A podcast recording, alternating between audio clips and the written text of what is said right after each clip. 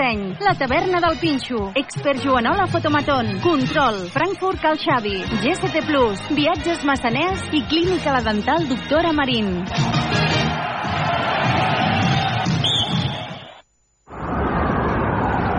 Els nostres fills viuran en un planeta esgotat i insostenible.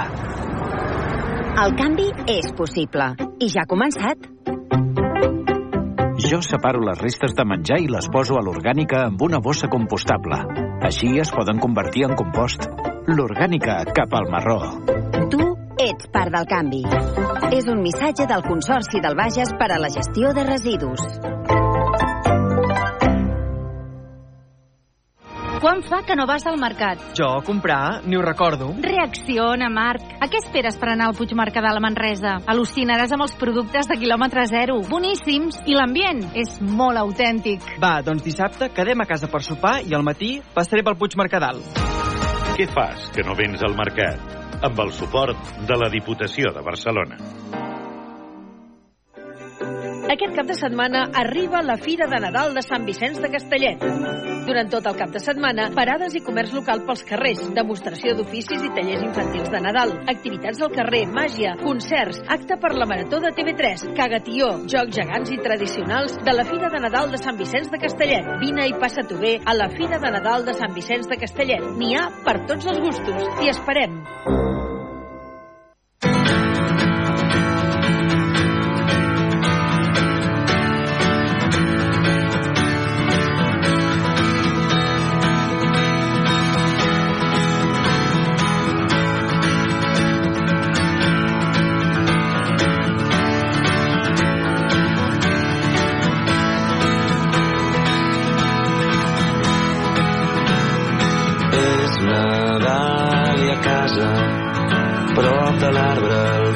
Somriu als nens que corren a la cuina on nerviosos esperen que els cridem si els veiessis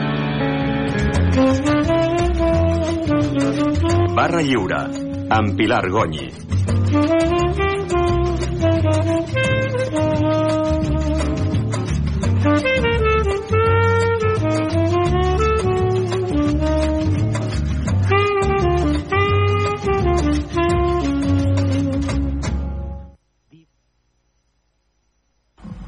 Benvinguts a aquesta tertúlia de dimarts 12 de desembre, tertúlia 52 de la 25a temporada. Indignació és la paraula que envia al cap i que reflecteix el pensar dels veïns del passeig de la República de Manresa.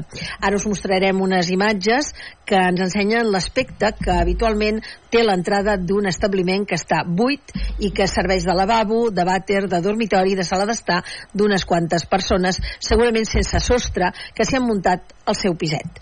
El que comporta aquesta brutícia, també els escàndols cantaires i verbals fins a les tantes de la nit i un malestar d'inseguretat si es torna a casa tard per part de les persones que viuen a la zona. Els veïns han trucat reiteradament a la policia local, han demanat que es netegi, però fins aquest matí que una persona del barri no ho ha demanat als escombriaires que no en sabien res, no s'ha passat a netejar-ho i desinfectar-ho.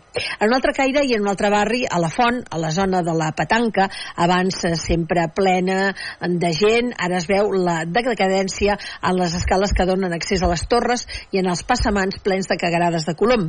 I em pregunto, aquests dies que tant parlem dels nous sistemes de neteja que pretenen ser molt i molt eficaços, potser que l'Ajuntament de Manresa també es preocupi d'aquests eh, segurament petits detalls per a un consistori, però que són vitals per a la convivència d'una ciutat com Manresa. I afegeixo, també les persones, els manresans i manresanes, siguem conscients que l'incivisme l'hauríem de deixar de banda i ser una miqueta conseqüents. A vegades coses tan tontes com anar pel carrer, sobretot els que fumen, i tirar la borilla al mig del carrer, pensem-s'ho dues vegades. Vaja, que hi ha moltes coses a fer que no de tot en té la culpa l'Ajuntament, ni molt menys. Però sí que amb aquesta sequera que no es pot regar, amb aquesta problemàtica del sense sostre, estem una miqueta, una miqueta amoïnats i enfadats. Obrim el nostre programa, obrim la barra lliure. Avui volem parlar amb Pere Fons, benvingut. Bon dia. Avui tindrà lloc la presentació del llibre a l'ombra del Faroner, obra que recull textos sobre literatura de Lluís Calderé. L'alfabet Calderé, les noves activitats, la ruta literària, en parlarem en aquest programa. Benvingut, gràcies per acompanyar-nos. Ramon Fadavila, benvingut, gràcies per ser aquí. Gràcies. David Carreter, benvingut. Bona tarda, gràcies. Què tal? Ramon, estàvem parlant abans d'entrar en antena que sí que el Catat tornarà a tenir pastorets aquest any. Sí, Ja el sí, sí. Eh, ja, ja només hi consto com a col·laborador, però dilluns que ve assaig general i el dimecres el, la tretzena edició del, del Nadal al Catà. Mhm. Sí. I en els nanos els agrada això de fer pastorets o què?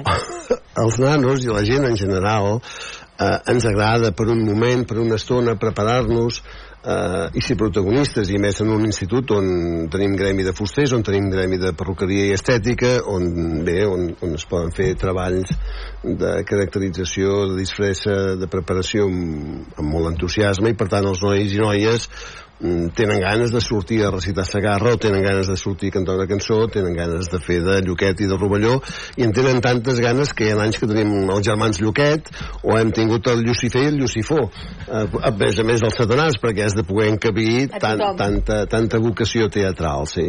Per tant, és una versió molt versionada, per dir-ho d'alguna manera. molt versionada I dues Maries, no? no, dues Maries no, dues aquí no hi ha Maries ho he Maria dit Dues Maries ho he dit jo, que he dit que a alguns llocs s'està convertint una tradició que evidentment és cristiana, Sí. agradi a qui agradi i no agradi a qui no agradi, i per exemple a Manresa farà una cavalcada de Reis laica, que tinc ganes que m'ho vinguin a explicar a veure exactament què vol dir una cavalcada de Reis laica, eh, bé, no sé quina ciutat que hi ha de, de, dels voltants de Barcelona que per Setmana Santa fan una processó laica, Una processó laica. també em costa entendre-ho, i, però, però vaja, cada qual pot fer el que, el que cregui convenient. I per altra banda, sí que, no sé dir-vos ara quin poble o ciutat, que han decidit que al pessebre, en lloc de Josep i Maria i el nen Jesús, hi haurien dues Maries.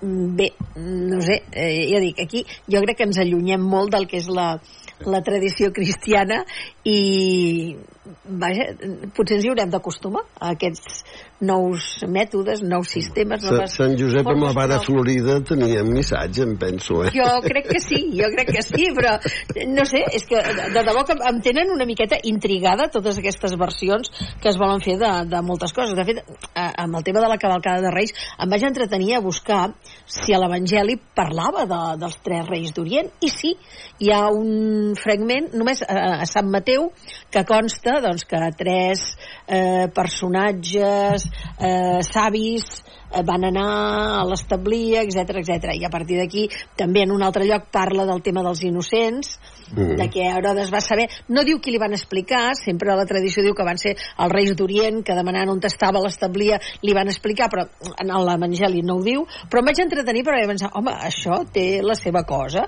potser que, potser que miris i ho busquis. No, i això de les dues Maries suposo que també deu tenir un rerefons, perquè al final Sí, hi ha d'haver sí. explicació darrere de, de dir, bueno, ho fem per això o ho fem per allò. Sí, sí. Però clar, Eh. no, de, de Maria només n'hi ha una, com de, com de Sant Josep, no... no... Més. Sí, sí. La mare Maria, vull dir, no... I, i no, no t'ho sé dir, perquè clar, com que passen coses tan així curioses, a veure, ara, ara ens semblaria molt estrany el que es feia a l'època de William Shakespeare, que feien Romeo i Julieta, i el Romeo era un noi i la Julieta també era un noi. I ara pensaríem, home, Romeo i Julieta, un noi i una noia, no? Clar, en aquella època els hi semblava la mar de normal que les dones no podien sortir a fer teatre. Mm, per tant, clar, això depèn de l'època en què vius. Una cosa és d'una manera i una cosa és d'una altra, no? I a la tragèdia grega, doncs també, eh, vull dir que ja, ja comença, fa, fa uns quants anys que és ficció el teatre, eh? vull dir que ara, ara potser diem, és que una persona, eh, diguéssim, eh, negra, doncs ha de ser representada per una persona igual vaja, a mi també em sorprèn això. O, o hi ha el que és un cas extrem per exemple la traducció eh, aquella noia que va intervenir una poetessa en, en la presa de possessió d'Obama eh, quan la van traduir al, eh, al neerlandès ho va fer un senyor i, i de raça blanca dic, o de blanc diguéssim eh, de ara no deixem-nos de races no. eh, i eh, em sembla que no es va posar no es va comercialitzar l'edició perquè havia de ser una noia més o menys de la mateixa edat i, i de, diguéssim eh, racialitzada no? Vull dir, eh, això jo no, no ho acabo d'entendre és a dir, per mi un text és un text que estigui ben traduït, no qui ho ha fet o com, de quina manera. Aquesta és l'essència. Però a vegades les exigències d'un autor hi són perquè, per exemple, la- l'autora de Harry Potter no va voler deixar mai que les seves, les seves novel·les de Harry Potter eh, fossin eh, dirigides ni eh, que la producció fos americana. Sempre va dir que s'havia de fer a Anglaterra i feta per actors anglesos, una exigència que va posar ella. Si no, ella no, no, no cedia els drets per fer-ho. I per altra banda també va passar una cosa molt curiosa, que quan Harry Potter, el, el, la continuació de Harry Potter es va fer en teatre a, a Londres, doncs era la, la noia que feia d'Hermione era una noia de raça negra. I clar, hi va haver-hi un rebombori impressionant. I l'autora va dir, escolteu, jo mai vaig dir si la, la Hermione era blanca, era negra, era asiàtica, no ho vaig explicar mai. Diu, per tant, els que s'esgarrifen, no sé per què ho diuen. Entens? Clar, eh, vull dir que la gent quan llegim ens fem les nostres interpretacions sí. no? ens imaginem per Sí. això ens passa moltes vegades que llegeixes una novel·la que t'apassiona i després la veus en teatre o la veus en cinema i dius No, no, això no és ben bé el que jo m'imaginava però clar, és que ens ho fem nosaltres i clar, el director d'una pel·lícula també es fa la seva interpretació Però això, No, per això és l'essència del llibre, perquè al fi al cap llegeix una cosa, una novel·la, el que sigui, fas l'actor, el fas tu, el, que mai parla de, de colors, i, i te'l fas amb, i el, veu- el veus en teatre i, i dius, és negre, i, i què passa? Vull dir, clar, això que deies de, de, de Shakespeare, eh, Romeo i Julieta, clar, ara sen, jo crec que s'entendria més pel tema gay, no? El Sí, tema, segurament. Jo crec que s'entendria molt més que no pas abans. Abans perquè la, la dona estava com, com estava, això és i com encara estem, molts aspectes, Sí, però vaja. molts, no sí. entrarem ara en el No, no, tema no. del feminisme, però... No, però, però és veritat, eh, tal, tal com, com estava i que, que, que estava com prohibit doncs, de, de fer Romeo i Julieta, que doncs, era Romeo i Julieto, perquè deu, deu ser això, no? Sí, sí, doncs ara sí. seria més normal, pel, pel, pel tema de, del, del, dels gais i tot això que està molt més eh, humanitzat, diguem-ho així. Evidentment. Però, però Mhm. realment mm, no ens, no ens hauríem de, de, el que deia tu ara dels pastorets, a Balsareny fem, fem pastorets i fem, sempre hi ha el meu tiet Ramon que és el carreter que, que et deia que ja, ja coneixes tu que, que, sí, te'l coneixes? Va. Sí. doncs sí, quan, sí, sí. És el seu oncle. sí. Ah, Sí, molt això. xulat. Sí. Felicitats. Gràcies. Enhorabona. Des d'aquí el seu... Molt bé, si ens veu, Sí, sí, està ben segur. I, clar, fins a fa poc era el, el director de, de, dels pastorets de Balsareny, ara és la meva cosina, que s'han canviat aquest any, i sempre volen innovar, sempre volen fer coses diferents, però sempre amb el mateix patró. T'estava escoltant de Poc i Torres, t'estava eh, escoltant de tota aquesta gent, clar, però innovar amb coses, però mai, el que deies tu, Pilar, deixar el fil del, de- del que és, perquè si no, clar, anar a veure els pastorets i veure dues verges maries o veure quatre reis o això no o el naixement que fos diferent doncs no, no, Nosaltres aquest any justament hem triat pels separadors de, de la televisió d'aquestes festes, hem triat poemes, poemes de un fragment del poema de Nadal, òbviament, la Joana Raspall, Joan Maragall, perquè és que tenim molta producció i de molta riquesa. Bé, tu, de- vosaltres ho deu saber molt millor que no pas jo, la riquesa que hi ha de- d'escrits, de, de poemes de Nadal fets fets per catalans i que, que parlen de les tradicions nostres, eh, ni del pare Nadal, ni d'altres coses que ens venen de fora, sinó que parlen del tió, parlen de, de la importància de, de, del dinar de Nadal fins i tot, del dia de Sant Esteve. I tot això jo crec, eh, allò que en dèiem abans que és molt nostrat, crec que ens en hauríem de fer una miqueta eh, portar la bandera de, de, de tot això, perquè a vegades aquestes tradicions, com que n'arrepleguem de tants llocs, ja dius, bueno, aquesta d'on ve, aquella altra d'on ve, que està molt bé, que està molt bé que tinguem i que agafem tradicions d'altres llocs, però les nostres són les nostres. No ens les deixem, les I la nostres, castanyera eh? és la castanyera i no és el Halloween. Si no, jo per mi que m'estic tor- fent gran, eh? Perquè cada vegada penso més amb les tradicions nostres i les catalanes. No sé. Les tradicions, perdó, eh? les tradicions eh, han de ser vives. I perquè siguin vives, normalment, d'una manera subtil, i anem incorporant modificacions, que les festes de Nadal han canviat, per descomptat. Quan jo era petit, eh, el, el pare Nadal, el papa Noel, que en deien, diu, això no, diu, això és dels protestants. I això ho he sentit, eh? Diu, això és dels protestants. Bueno, ara s'ha normalitzat, l'hem incorporat. El que potser no s'ha de perdre de vista és per què fem Nadal, no? Quin sentit té que celebrem el cap d'any, doncs, eh, si això no es perd de vista, que no és tant el missatge estrictament catòlic, sinó tot un discurs que sí, que té unes arrels cristianes, jo penso que permet mm, fer de més i de menys, no sé si dues mares de Déus, però que tu que ho veig molt, però en qualsevol cas la possibilitat de que ens replantegem coses mm, mira, és, és prou divers i, i la resta I, jo diria que el que m'esgarrifa, que no m'esgarrifa gran cosa ja a aquestes alçades, eh? però vull dir que a, a mi em sembla molt bé la innovació, totalment d'acord. O sigui, el que a mi em, em fa sentir amb una certa incomoditat és voler tapar allò que és evident. O sigui, quan tu dius, no, no, escolti, és que això va ser així, vostè ho, ho pot fer com li sembli, evidentment, però el que no pot dir és que les coses van anar d'una altra manera o no en parlem perquè nosaltres, no, com a mínim, estiguem al mateix nivell que les altres cultures, i jo no demano més, vull dir, no, és que, que de vegades, eh, eh, o sigui, el que intentava explicar abans és que deixem llibertat per fer el que convingui a mi el que no em sembla correcte és quan no es deixa llibertat, quan això, aquest personatge no perquè ho digui l'autor, que evidentment si ho diu l'autor mm, res a dir, sinó perquè a mi em sembla que aquesta persona ha de ser així i només pot ser així. Mm. Malament, per mi, eh? Vull dir, sí, sí.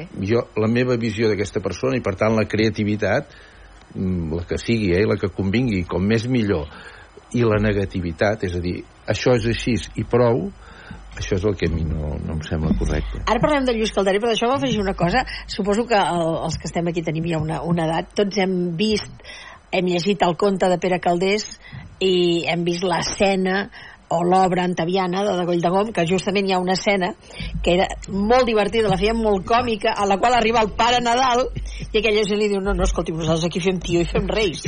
I, i l'home, o sigui, el pare Nadal es va esforçant, es va esforçant i al final marxa plorant i tot, dius que no em volen. I nosaltres diuen, no, no, escolti, vostè què hi pinten aquí? I és, o sigui, és, és en, plan, en plan irònic, en plan cínic, en plan divertit, però que diu molt aquell fragment d'Antaviana, que penses, mare meva, a vegades també som massa intransigents, també hauríem de ser una miqueta, el que diu el Ramon, una mica més flexibles i anar-nos adaptant, no? Sí.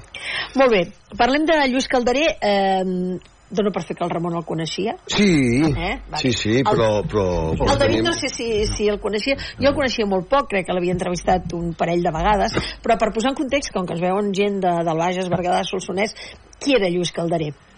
El Lluís Calderé era un, un gran actiu cultural d'aquestes terres, vull dir, fonamentalment era un escriptor, ell va escriure nou llibres, eh, però també era un activista, va ser director d'Art Viu, per tant en el món del teatre i de, posteriorment també va dirigir Faig Teatre eh, va organitzar cicles de conferències realment eh, innovadors com podien ser el viatge o romàntics una cosa molt, molt interessant.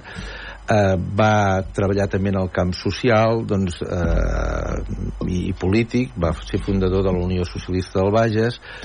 Va ser eh, també un gran divulgador és a dir, no únicament va fer coses, sinó que va saber explicar coses. I una mica el llibre d'avui va en aquesta direcció. No? Algú de, cinema, també. Va, per tant, director de ai, va estar vinculat a Cineclub, sí. etc. Sí, sí. Vull dir que era una persona, però de vegades tots en coneixem, de persones, diu, ha estat a molts llocs però llavors dius, escolti, i, i què hi ha fet aquí? A Lluís, perquè tingueu una idea, per exemple, Faig, la revista Faig, que va, ser, va durar molts anys, va durar des de l'any 75 fins al 2006.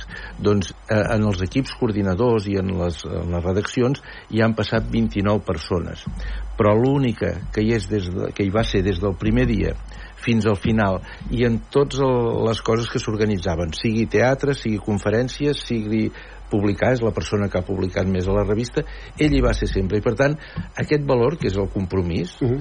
eh, això és una cosa que serveix per sempre, diguéssim. No? De, bueno, I ara què hi pinta el Lluís Calderé aquí? Doncs miri, per començar, era una persona que si era en un lloc, hi era. I si no hi era, no hi era. I, i va ser molts llocs, molt temps, i va tenir molta influència no? jo crec que és un... i, i toca reivindicar-los perquè de vegades estem eh, fent eh, commemoracions de persones que són molt allunyades i en canvi el Lluís és una persona d'aquí que té moltes altres virtuts que si voleu en parlem però que... Eh... Que que em dóna la sensació que és una d'aquelles persones, o sigui, eh, hi ha dos tipus de persones eh, a les entitats o bàsicament a les entitats. Els que van un dia i són un foc d'encenalls i bum, i, i ella està en 15 dies, un mes i tothom parla d'aquella persona i el que fa i els mitjans de comunicació, etc etc i desapareix o continua i mai més se sap què, què ha fet o què no ha fet, i els que són que fan aquest treball que tu comentaves de vinga, vinga, vinga, sense cansar-se continuar, continuar. Dic jo que hauria ser d'aquest tipus de gent. El 100%. És a dir, no únicament, ara comentàvem el compromís, però un altre aspecte fonamental és la visió panoràmica que tenia, és a dir, d'interpretar el món de la cultura des de molts angles, no? Vull dir, com poden ser això, la poesia, la... Eh, i, i ell tenia una doble, una virtut que era sent el més manresà de tots els manresans, diguéssim, perquè d'escolar de la cova, a les congregacions marianes, eh, va ser capaç d'aquest món local enlairar-lo i, i eh, posar-lo, diguéssim, en, en un context molt, eh, molt interessant des del punt de vista de la creació. I al mateix temps feia un procés a la inversa, és a dir, que Pavese o bé Ungaretti o, o autors diguéssim, que en aquests moments, o, o en el teatre, doncs portava autors que aquí eren desconeguts. I, per tant, aquesta doble plataforma, diguéssim, una plataforma d'enlairament, que era el món local, donar-li volada, i una altra era també una plataforma d'aterratge, no? de dir allò que era interessant a nivell europeu, eh, però fonamentalment europeu, i això en tots els camps, no? en l'art, en, la música, en la música, i, i per tant no n'hi ha de persones així i, i les hem de preservar, recordar i crec que paga la pena destacar-ne aquests valors, no? I si podríem anar seguint el valor de la memòria, per exemple, que ara està totalment fora bueno, una persona que quan fa una descripció de les botigues que hi havia al, al voltant de, de, de, de la plaça de la Creu, doncs té una memòria prodigiosa. I això es cultiva, no, no baixa del cel. O sigui, ell era una persona amb moltes capacitats però aquestes capacitats a més a més les va treballar perquè si no, no seria lloc i ningú no li va regalar res perquè de vegades dius, no, és que la seva família tenia uh, una biblioteca o el seu pare era no, no, era un, un treballador i que s'ho va fer tot des de zero no? i encara té més valor diguéssim, arribar tan lluny des d'aquests aspectes de valors eh, partint de, de, de, de, de ser un treballador això és excepcional. No? I encara li don... en tindria igual de mèrit diguéssim, eh? però eh, el fet aquest encara eh, li dona més mm, eh, eh, més rellevància. de què us coneixeu, si, si ho pots explicar? Mira, jo, jo pensava, com vas conèixer? És fàcil de recordar, en Lluís Calderé i per subscriure el que ara deia espera el Lluís Calderé jo el vaig conèixer l'any 76 o 77 a l'Institut Peguera i ens el va portar a classe la, jo vaig tenir la sort de tenir com a mestra de literatura la Teresa Just, sí. que després va ser regidora d'Educació uns quants anys, i la Teresa Just ens va dir, us portaré un, un amic que, que, us, que us impressionarà i, i és un poeta, no? Va venir, va, va llegir uns poemes, vam estar xerrant, i la sorpresa final és dir, doncs, el senyor Lluís Calderé, que és el que havia vingut, és electricista perquè en aquest país, els anys que li va tocar viure, la formació, el, el fet de la família que li va tocar també, doncs eh, ara mateix Teresa, jo tinc la sort de ser professor d'institut, vosaltres podreu anar segurament els que volien fer literatura, doncs continueu estudiant, el Lluís es preparava eh, per ser mestre i va, i va ser mestre i, i li va anar molt bé, però encara el vaig conèixer com un electricista que feia poesia com un home culte, l'home d'Arbiu, l'home compromès a Cineclub, l'home que, que les coses les seguia, però que, però que t'impressionava perquè no era un currículum habitual de dir, no els meus pares també treballaven, eh, tots dos, però, però bueno, tu feies el batxillerat, anaves al Peguera, anaves a l'autònoma i, i anaves fent, i, i la vida estava bastant més mm, prescrita, no? Això anirà així, en el seu cas no, no. s'ho va haver de fer, és d'un barri popular, té aquesta memòria, amb uns anys absolutament grisos i amb un nucli molt reduït de gent que, que segur que era un plaer formar-ne part i entendre-s'hi, però que al mateix temps ho tens tot a la contra, perquè acaba sent un personatge no reconegut, un home que mm, batalla eh, contra l'adversitat, no?, en un panorama de la ciutat molt, molt, molt apagat, i que ell, en canvi, fins i tot diria que en aquest elogi de, de quan ell recorda les botigues, els establiments al barri, ell no trinxa res, tot, tot ho aprofita eh, per crear aquesta sensació de dir d'aixecar la comunitat. No, no és ell que sigui un home, intel·ligent, culte i llegit, és que ell fa comunitat, fa crea, crea grup i aixeca, no? I això és important. I, i això que estem parlant d'un home, d'un senyor que sembla que estiguem parlant del segle passat i crec que va morir en 76 anys el 2020 exactament, el 19 ah, de setembre sí. clar, eh, dius sembla que estiguem parlant del no que sé, del segle passat no? jo que estàs dient clar, tu quan ets petit que va venir a l'institut, sí, tot sí, això sí, sí. que era electricista, clar, estàs parlant d'algú que fa, recentment fa 3 anys i va morir molt jove, Vull dir que és una cosa que també uh mm-hmm. -huh. efectivament també... era electricista però mai, mai de la vida se li van fondre els ploms eh? Escolta una cosa, uh, avui hi haurà la presentació a l'Espai Òmnium a les 7 de la tarda. Eh, com dèiem, eh, estem parlant de recull de textos sobre la seva literatura corresponents al període 1976-1989 i la presentació estarà feta per Felip Formosa, Quim Noguero i Jaume Uc. Amics d'ell, eh, persones que el coneixien... I tant, sí, sí, tots, tots són amics i persones que el coneixien i gent molt vàlida. Vull dir, Feliu ja és una persona que té una trajectòria molt, molt llarga però que segurament eh, ja, ja es coneixien d'abans el Quim també és una persona que, que, que fa molt temps que, que es coneixen i el Jaume també com a editor i com a anècdota ara venia caminant quan venia caminant pensat dic a veure, aquest deu ser el seu desè llibre perquè en tenia nou, és el desè i una altra eh, cosa curiosa és que fa 25 anys que no sortia una cosa nova d'ell. És a dir, l'últim que va sortir és el llibre de relats de figur figuracions, eh, i que és del 98.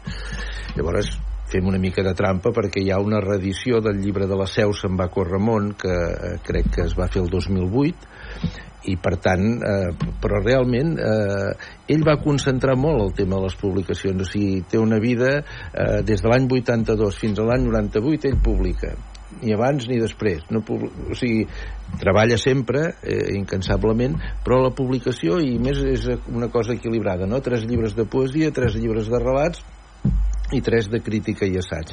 I ara dius, bueno, ara en, en toca una altra de, de, de, aquesta li agradava molt d'aproximar i és molt eh, aquest llibre que es presenta avui es, eh, té un subtítol que es diu Intents d'aproximació 1 per tant eh, esperem que n'hi hagin d'altres.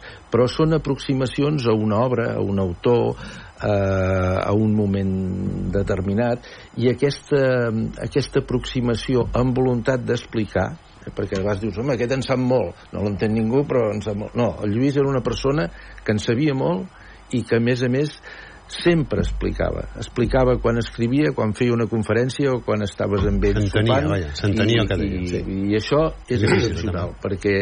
I això fer-ho en una ciutat com Manresa, que tenia la trajectòria que tenia, perquè, per exemple, la revista Faig, doncs, eh, la primera reunió la varen fer al Lice el 26 de, de desembre, el dia de Sant Esteve del 1974. Per tant, i quatre mesos després sortia la, la, la revista. El Lluís ens coneixíem d'algun curs d'Òmnium, la Neus Olivera, és a dir, totes les persones aquestes ens movia, diguéssim, per una banda un, una, unes ganes de fer alguna cosa, de moure fitxa. Eh, el Lluís llavors tenia 30 anys, que era el, el més gran del grup, i jo era el més jove, en tenia 19. O sigui, imagineu-vos, els de 30 ja eren una cosa... Així, Molt grans. I per tant, sí, sí, sí, vull dir que és... Escolta una cosa, um, demà que és dia de Santa Llúcia, s'escenificarà màscares per la companyia del Teatre dels Somnis, el Globus Bar, a dos quarts de vuit del vespre, per tant, si falta gent, que s'apuntin ràpid o ja està ple? Sí, no, que s'apuntin ràpid. Que s'apuntin, que s'apuntin ràpid. Sí. A partir de les 7 de la tarda, doncs, ja es podrà anar entrant. Es farà una lectura de textos amb Teti Canal, Mireia Cirera, Pep Garcia Pasqual, Jaume Uc i Anna Selga. Eh, són persones que coneixen molt bé el món del teatre. Però els ha estat difícil per, per interpretar-ho, perquè a vegades, a veure, fins i tot abans parlàvem de, de Sagarra, el poema de Nadal. Eh, hi ha fragments del poema de Nadal que te'ls has de llegir tres vegades per entendre'ls del tot perquè mira que és planer i tot el que vulguis, però a vegades dius, ui, i, i aquí què m'està dient, què m'està explicant, què, què significa? Per tant, la poesia de, de Calderer era fàcil, eh, eh, els hi ha costat? No, no, no és poesia, eh? Pot és haver textos, algun text, sí, sí. textos. Ell, eh, per exemple, el títol que té aquest de, de, de l'espectacle, que és Mm. Màscares, té un llibre que diu eh, Màscares eh, per a la interpretació, és a dir, Màscares per a la companyia per a la companyia del Teatre dels Somnis. I llavors el grup que ho escenifica ha fet un petit canvi i diu no, nosaltres som la companyia del Teatre dels Somnis i per tant anem a fer això. Totes aquestes persones havien estat molt vinculades al Lluís a Faig Teatre, és a dir, van fer set temporades eh, sessió de primavera i sessió i tardor. Així no els hi és difícil. no, i i ells en tenen un record excepcional. Per exemple, la Mireia Cirera, quan en parla, i diu, bueno, és que ens apretava molt, feia coses, però que eh, van aprendre molt, perquè es preparava molt els textos. O sigui, una mica ja eh, han, han viscut aquest fet de, de preparar-se els textos, això que deies tu. Eh, és, és ben cert el que deies, eh? Però ells ja tenen una mecànica d'haver treballat amb el mateix Lluís. I ara Per tant, estem dient que ha deixat un mestratge, o sigui, que tota aquesta Sí, gent sí, tenen sí, el pòsit, que això també és molt, és molt important. Mm, De què escrivia? De què parlava? Ell, eh, bé, doncs, eh, era, era un tot terreny, vull dir, ell tant podia... eh, Ens hem oblidat de dir que era un gran traductor, també, per exemple, no? Traductor de, de Pavese, d'Ungaretti, de Maupassant, Home, la, de la, la, Camí... per tant, les obres de, de teatre que es feien les traduïa ell mateix. Uh, uh, no, jo crec que ja hi havia... Potser alguna ho havia de fer, però crec que, que eren ja versions que hi havia en català. No? Esclar, era, era un, un trencament amb el teatre tradicional que es feia. Estem parlant dels anys 60, eh? O sigui, Art Viu pràcticament dura des de començaments del, dels 60 fins a finals dels 60. Per tant, imaginem-nos quina és la situació, no? I portar Brecht aquí, o, o Beckett, tots eh, d'entrada uns autors, combinats amb els autors de casa, eh, com l'Iurèlia Campmany, etc però eh, un seguit d'autors que aquí no Ah, no, és que estàs parlant entre els 60 i els 70 que la majoria de grups de teatre, fos la Sagrada Família, els Carlins o, o el Poble Nou, feien la L'amor Terra Baixa, variantat, exacte, la Pepa Maca, eh, obres d'aquestes, clar, que, que vingués algú a fer textos així hauria de ser com una cosa, però què fa aquest home? I, I no és només els textos, sinó la manera. O sigui, eh, tenim encara, eh, s'han conservat dibuixos del Lluís de tots els moviments que havien de fer els actors. O sigui, ara uns passos cap aquí, o sigui, dibuixat, com es havien de moure en escena. Mm, eh, no hi havia apuntador vull dir, clar, hi han coses d'aquestes que era un trencament no? i un tipus i evidentment aquest tipus d'obres doncs no agradaven a tothom diguéssim, l'establishment doncs eh, deia, "Però aquesta gent estava no una van patir mai estimada." censura? Sí, anant i tornant, però i amb assistència, diguéssim, de... El censor. Sí, Però això doncs- passava amb les innocentades Sí, de sí, Manresa, bueno, de imagina't. l'Agustí Soler Mas, que Sí. eh, diuen, diem a vegades les innocentades amb aquesta frescura, però molts textos d'Agustí Soler Mas, a part de que eren molt punyents i a part de que hi havia una gran dosi de crítica, a més a més hi havia molta filosofia, i això evidentment el censor ho retallava tot. El que passa que el dia de l'estrena ho retallava i l'endemà tornaven a fer perquè el censor ja no hi era. O sigui que, en certa manera, Manresa es deixava bastant eh, tranquil·la en l'aspecte aquest de, de, del censor, perquè deien, bueno, ja deuen fer doncs, obres així de culturals i de- d'autors clàssics, però clar, si apareix aquest senyor, cada vegada que hauria estrenar haurien d'estar aquí els censors. Sí, això és el que comenten, jo encara no, no vaig poder-ne 60 gaudir no. perquè tenia, tenia 10 anys, vull dir, per tant, no, però pel que expliquen, sí.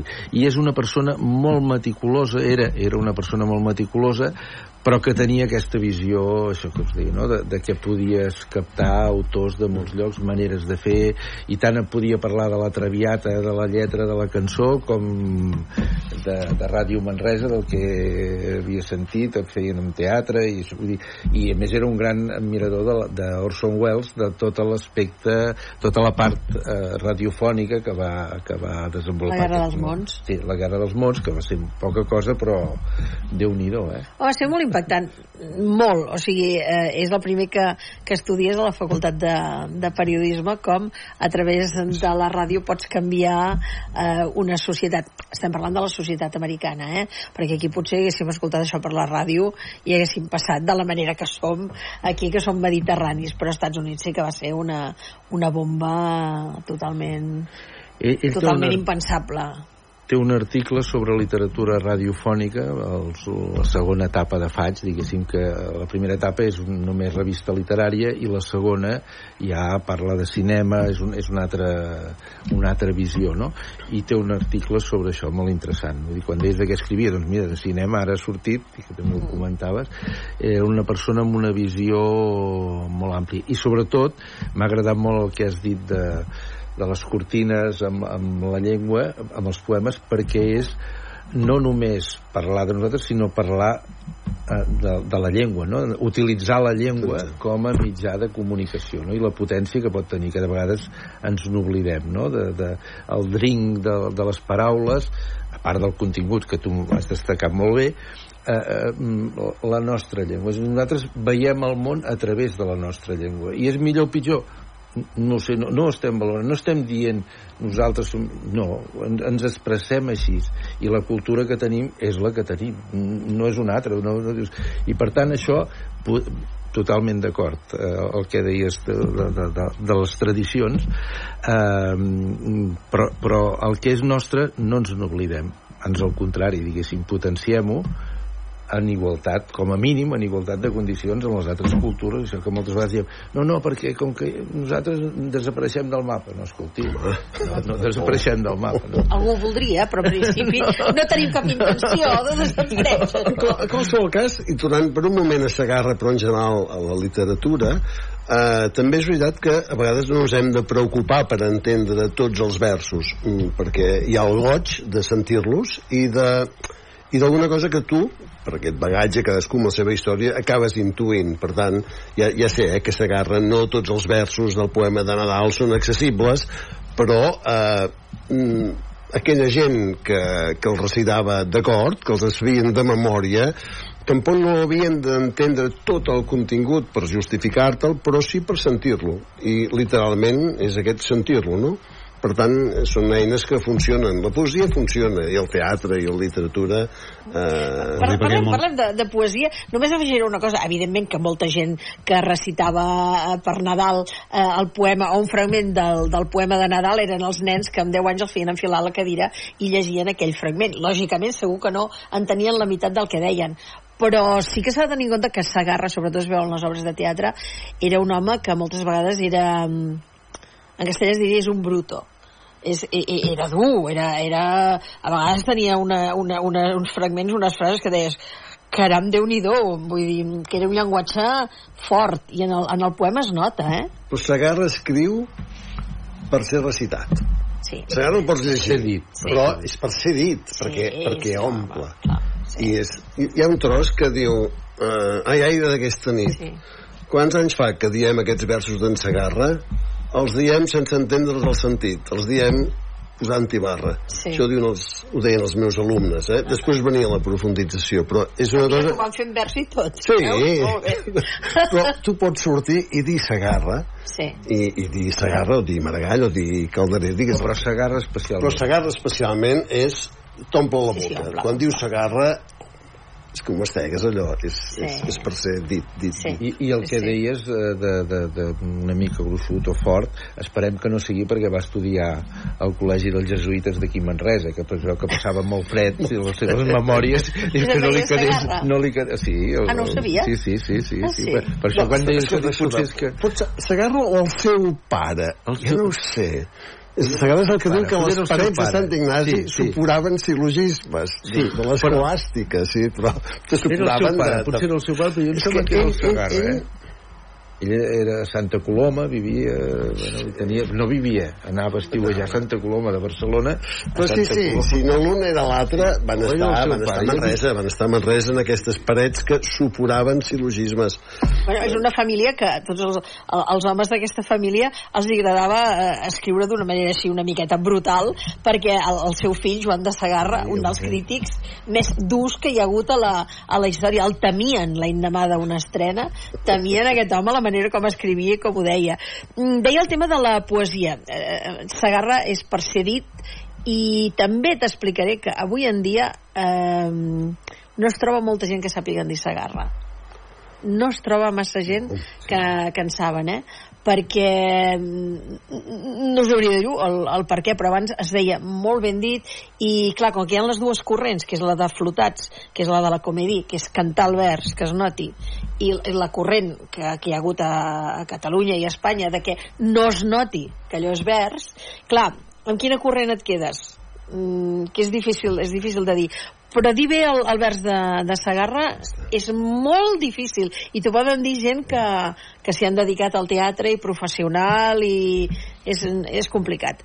Tornant a la poesia. Avui en dia la gent els agrada la poesia o, o està en hores baixes o ha estat sempre en hores baixes ho dic per allò del teatre que els grecs ja deien que estava en decadència i imaginem si han passat segles per tant amb la poesia què passa? se segueix llegint poesia? agrada? no agrada? Jo, jo crec que eh, segueix llegint poesia però de la mateixa manera que es llegia és a dir, els, les tirades de llibres de poesia excepte algunes, eh, en alguns casos concrets, com per exemple si agafes Miquel Martí Pol o Joan Margarit, Margarit. són però els altres llibres, jo me'n recordo que eh, fa molts anys, el 77, vaig publicar un llibre de poesia i se'n van vendre mil, i em van dir això és la, la, la, el no va más vol dir que els altres eren 300 o 400 eh? i després ja es va acabar eh? no, no, no, no, no vull dir però que vas publicar però, uns quants sí, sí però, però que, que excepte casos com els de Martí Pol o Joan Margarit o el mateix Feliu Formosa, no tant, però també, són, són un tipus de poesia eh, que no en la línia de Sagarra que és, és aquest, aquest drink no? aquest, aquest, aquesta sensació eh, sinó que en la proximitat de les paraules que diu o de les situacions en què tu t'hi pots surt, eh, sentir eh, pròxim això fa que, que, que es llegeixi molt no? I... però, però que quan tu vas a una llibreria no a on estan els llibres de, de poesia? Perquè jo recordo un dia, eh, no diré el nom, una llibreria molt coneguda i molt famosa de, de Barcelona que vaig, mira, no em demaneu per què, eh, però estaven allà i vaig dir eh, volia un llibre de Joan Salvat Papaseit i em van dir, de qui? Això d'entrada. I dic, Joan Salvat Papaseit. Diu, esto no lo tocamos aquí. Textualment, eh? Caram. Clar, aleshores eh, et planteges que dius, mare meva, eh, estem parlant de, de Barcelona, no estic parlant que me n'anés a Madrid, a la Puerta del Sol, i entrés i demanés, oiga, quiero un libro de, de Salvat Passeig, que em podien dir, esto no lo tocamos, cosa que m'estranyaria, perquè eh, hi ha una llibreria, que no recordo el nom, en un dels carrers principals de, de Londres, que és una llibreria de tres plantes, és la més antiga que hi ha a Anglaterra, i hi havia eh, m'hi vaig entretenir hi havia tota una secció de, de, de, de poemaris hi havia poesia catalana hi havia Martí Pol sí, no, que em vaig no... quedar al·lucinada dic, bueno, sí, bueno sí. i m'ha fet gràcia hi havia poesia sinó que la vas trobar que ja, ja no, no, perquè, no, no, no, no, perquè aquella, aquella llibreria estava tot, és un, no sé si estat, és que no me'n recordo com es diu, eh? és un lloc que, eh, que, que et conviden a que ho vagis a, a visitar perquè és una llibreria molt antiga, el terra és de fusta i has de pujar com per una escala de, de cargol i hi ha pràcticament tota una planta que és tot poesia tot una planta, tot teatre. Clar, però que, que en una llibreria de, de Barcelona, llibreria gran, molt gran, que diguin esto no lo tocamos, dius, home, no sé, per, per què els poemes o els llibres de poemes estan gairebé a les llibreries com amagats? No ho entenc. Perquè no hi ha... És, és un tipus de llenguatge que ja era eh, una mica un reducte fa, des de fa molts anys i ara que, que no tindria per què ser-ho perquè dius, la tablet o això seria més fàcil no? de fer poemes molt, molt breus o molt fugaços però realment eh, segurament també és una cosa perquè no tenen professors com el Ramon però si hi hagués més professors com el Ramon segurament hi hauria més poesia i no hi hauria tants informes pises, diguéssim, eh? o negatius. Eh? però, però, no, no, em refereixo que això també eh, ve molt de, de l'escola, no? O el que deia la Pilar de dir... Hi ha gent, clar, dir s'agarra... Ostres, mm, a l'escola no se'n parla d'això, o se'n parla poquet, o se'n parla de més a més, sense passió. Dir, Lluís era una, gran, una persona amb molta passió. Ah, si tu fas el programa i dius s'agarra, sí, bueno, poema de Nadal, tira, va. Eh, oita, això... Va, va. Sí. Però no, si realment tens gent com, com i, i ho dic tranquil·lament, perquè necessitem molta de gent així, i n'hi ha molt poca. I esclar, això... Home, els intents es fan perquè es fan els tocats de lletres, però, clar, la mitjana edat que veus en els tocats de lletres eh, tenen... Jo vaig portar els nanos al tocat de lletra una vegada. Eh, Sí, dic, mira, dic el que... Jo anem al tocat de lletra, dic, i si algú no li agrada, li torno els 5 euros, eh, eh, ho feien al cielo. I els que vinguin, a més a més, si els agrada, els pago una Coca-Cola. Eh, sabia que no vindrien tots, tots 80, eh? Van venir una dotzena, però de ser la vegada que m'he desdinerat a comprar 12 Coca-Coles per alumnes, però... Mm, Esclar que els va agradar. La majoria de gent el que no faran serà comprar tret de Joan Margarit o no comprant un volumet de poesia però de la mateixa manera que som capaços de memoritzar cançons quan entenem la lletra i ens agrada ara estem potser a la part més extrema que la gent canta cançons que no acaba de, amb llengües que els són alienes o en anglès o que els costa més. Però si tu un text t'agrada mm, poder-lo recordar que pot ser perquè l'has dit en un llibre perquè te l'han enviat per internet per Sant Jordi feien fotocòpies del, de, de textos de poemes d'amor des de, des de fa 2.000 anys. Els nanos, recitar poesia d'amor davant de l'altra gent, si ho treballes una estona, els agrada. Els agrada. Perquè noten que allò eh, diu alguna té aquest drink que deies, sí, i allò els agrada molt. Evidentment, si els has d'explicar Sagarra o Ramon Llull, Palma Mallorca, Sí, 1229, no sé, ho podem fer, eh, també, i, i complirem més bé el temari, potser. Uh, però... però... Veus com falten professors com el Ramon? Perquè No, això no ho fa tothom, per desgràcia. Oh, però és que els primers anys, jo, esclar, jo vaig sortir de la facultat, vaig arribar a fer institut i els feia tot el temari directament, sense perdó, que recordo un, que és actor de teatre, quan em veu diu Ramon Llull, eh? Se t'acordava de la xapa que els fotia, com un profe jove de 23 anys. Eh, no, no és el temari, el temari. El que vol Ramon Llull trobarà avui dia, per sort, si vols buscar material en trobaràs molt, has de trobar algunes eines que la gent desembarqui i Ramon Llull seria la part difícil però ens en podem anar a, a d'altres coses que, que els agraden que els agraden i que potser ningú no ha tingut mai l'estona, el luxe de dir, oita, t'ensenyaré una cosa que, a veure, si no t'agrada et paga una Coca-Cola, eh? però jo diria que t'agradarà, perquè, perquè quan veig això penso en tu. Oh, i, i, I hi ha gent que ho descobreix, sí, sí. Afortunadament, home, eh, per exemple, en aquest aspecte, uns dels que van fer una feina eh, molt interessant, torno al de Goll de Gom, perquè amb Maricel, que ara es tornarà a fer l'any que ve, que és l'any Guimarà, doncs amb Maricel van aconseguir que molts i molts instituts i escoles anessin a veure eh, Maricel. Eh, ah, dius, bueno, menys mal que, que algú doncs, eh, transporta la gent eh, a aquest món de, del teatre, del teatre antic, del teatre clàssic,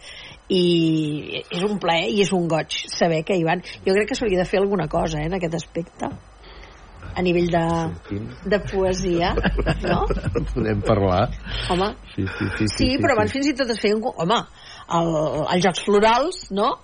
I, i no existeixen ara, no? Que jo sàpiga. Ah. Almenys a Manresa. El català sí que els fèiem els Jocs Florals, sabent que és això, eh, que, que pa- parteixes d'uns poemes que els recites i que el que vegades t'expliquen els nanos o els poemes, doncs, bueno, seran més una eina de- d'expressió davant del públic que no pas d'un gran valor literari, però que consisteix en, en utilitzar la llengua eh, a favor de la literatura. Escolti'm, que ho provin d'escriure, que s'hi barallin. Mm. Això vol dir, i torno, eh, destinar un temps, que és el que a vegades ens falta, que els nostres alumnes, a part de tot el que han d'aprendre, que és molt, eh, treballin, no, no s'ho passin bé, que també s'ho li passen, eh, però treballen, aprenen, esbrinen, que hi hagi un moment que tinguin ganes ells de saber què vol dir allò que tenen allà davant, eh? I dius, escolta, vols, penjaven allò, 60 fotocòpies, trieu un poema que us agradi perquè és el que recitareu. També hi ha el que diu, jo no puc recitar en públic. Doncs, Bueno, si algú té problemes, no ho faci. La majoria de gent de seguida en tria un, no per el que entén, sinó per pura intuïció, i a partir d'aquí anem a mastegar el poema, no? Eh, sí, és, és, és, és, val la pena, val la pena encara. El, el tema uni- universitari, el tema facultat i tot això, de, amb, el, amb el tema literari, com el veieu? De, cada vegada hi ha més, menys, el que deies tu abans, de, pel tema cultural, pel tema de, de, de, de la gent que pugui llegir més o menys, o, o estar interessada menys o més amb, amb, la, amb la poesia. Mm. Home, jo crec que el món universitari, en un moment donat, eh, jo de formació sóc filòleg, diguéssim. Ara, ara ja, sí que hi ha filòlegs, però eh, són llicenciats en, en humanitats, no? I per tant aquesta visió que ja tenia el Lluís també hi és a la universitat. Eh? Vull dir que no, no és només eh, escriure o la lectura, que, que també hi és i molt, sinó la filosofia, la música, l'art, i en aquest context mm, no, no hi ha una baixa, és a dir, es, es manté a les universitats a la demanda, eh, tampoc no és eh, la de dret o la de biologia o de, Aquí, però, aquí. o de medicina, però sí que, que n'hi ha. I, i, I jo la trobo molt més atractiva, aquest, aquest plantejament, eh? més d'humanitats. O sigui, tant de bo jo ara si hagués de començar faria humanitats, eh? Vull dir, sense dubte, no? Uh -huh. Perquè et serveix per tot. O sigui, és una visió, siguis un empresari o siguis un... un- és un tenir aquesta visió més àmplia de la vida, que no miris només allò que fas cada dia, sinó que, a part de fer el que fas cada dia, que ho has de fer i molt bé, tens una visió, ho, relaciones no? amb el món, amb la teva cultura, amb la resta de la cultura occidental, vull dir, aquesta visió crec que et dona una perspectiva diferent i això els que estudien humanitats ho, ho tenen.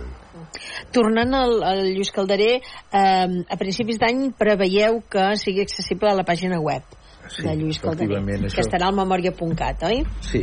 I, eh, I què serà aquesta pàgina? Mm, tot això que hem dit eh, amb, eh, a tot i plen, diguéssim. O sigui, tots els aspectes de la vida de, de Lluís més eh, alguns, eh, algunes informacions o alguns textos o algunes entrevistes que òbviament eh, quan es va fer l'exposició a principis d'any no es podien posar senceres sí que hi ha una entrevista radiofònica doncs aquí tenim la sort de poder-la posar totalment eh, sencera. I els textos igual. Eh, aquí el que hem de treballar crec bastant és la manera de trobar les coses a dintre d'aquesta perquè que hi sigui tot però si no ho, ho tenim una mica endreçat doncs no, bé, els quaderns de taller la revista Faig eh, eh, el nacionalista del Baix tot això hem de trobar els mecanismes que hi estem treballant perquè sigui fàcilment accessibles. I és a dir, ostres, sobre aquest autor, això que dèiem, sobre el Sagarra, ja que estem amb el Sagarra, què, què en pensava el Lluís? Doncs que tu ràpidament puguis localitzar el Sagarra. No? I jo crec que serà un, és una mica un contrapès perquè passa amb, no només amb aquesta commemoració, l'any que ve farà eh, 80 anys, diguéssim, eh? hauria fet 80 anys el, el Lluís. Eh, aquestes commemoracions estan molt bé, hi ha l'exposició, varen fer un concert amb el Manel Camp, eh, amb l'ensemble Alquímia, etc. tot un seguit de coses, però això es difumina, no? És arquitectura efímera.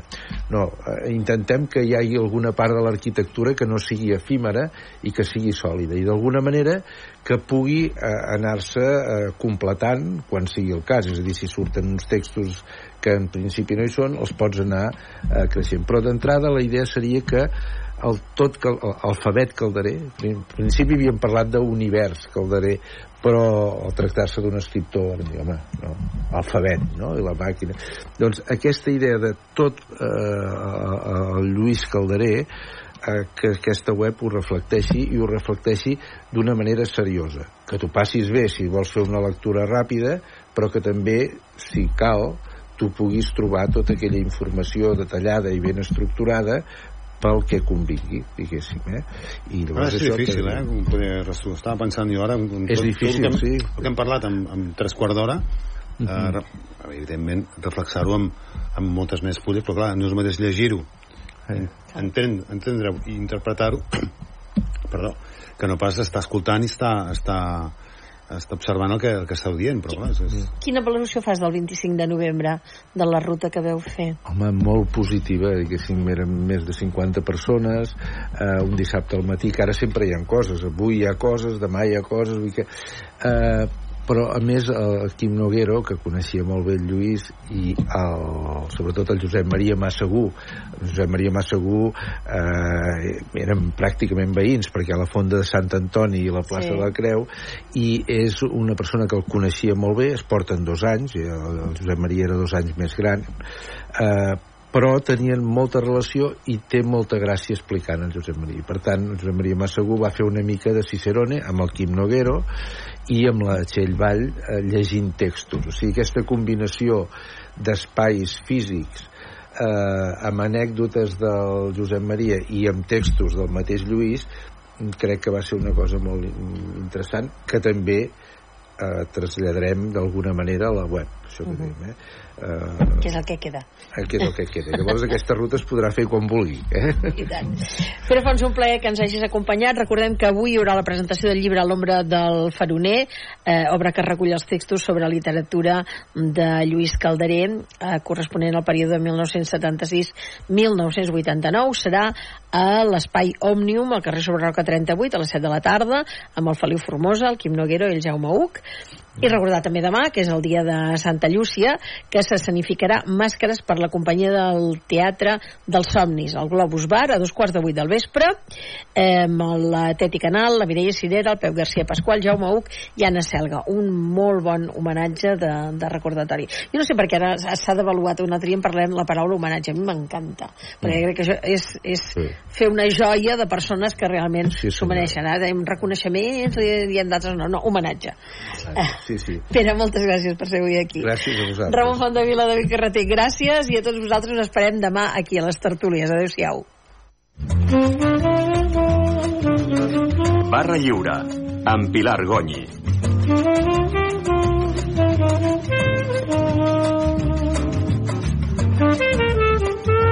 Son las dos, la una en Canarias.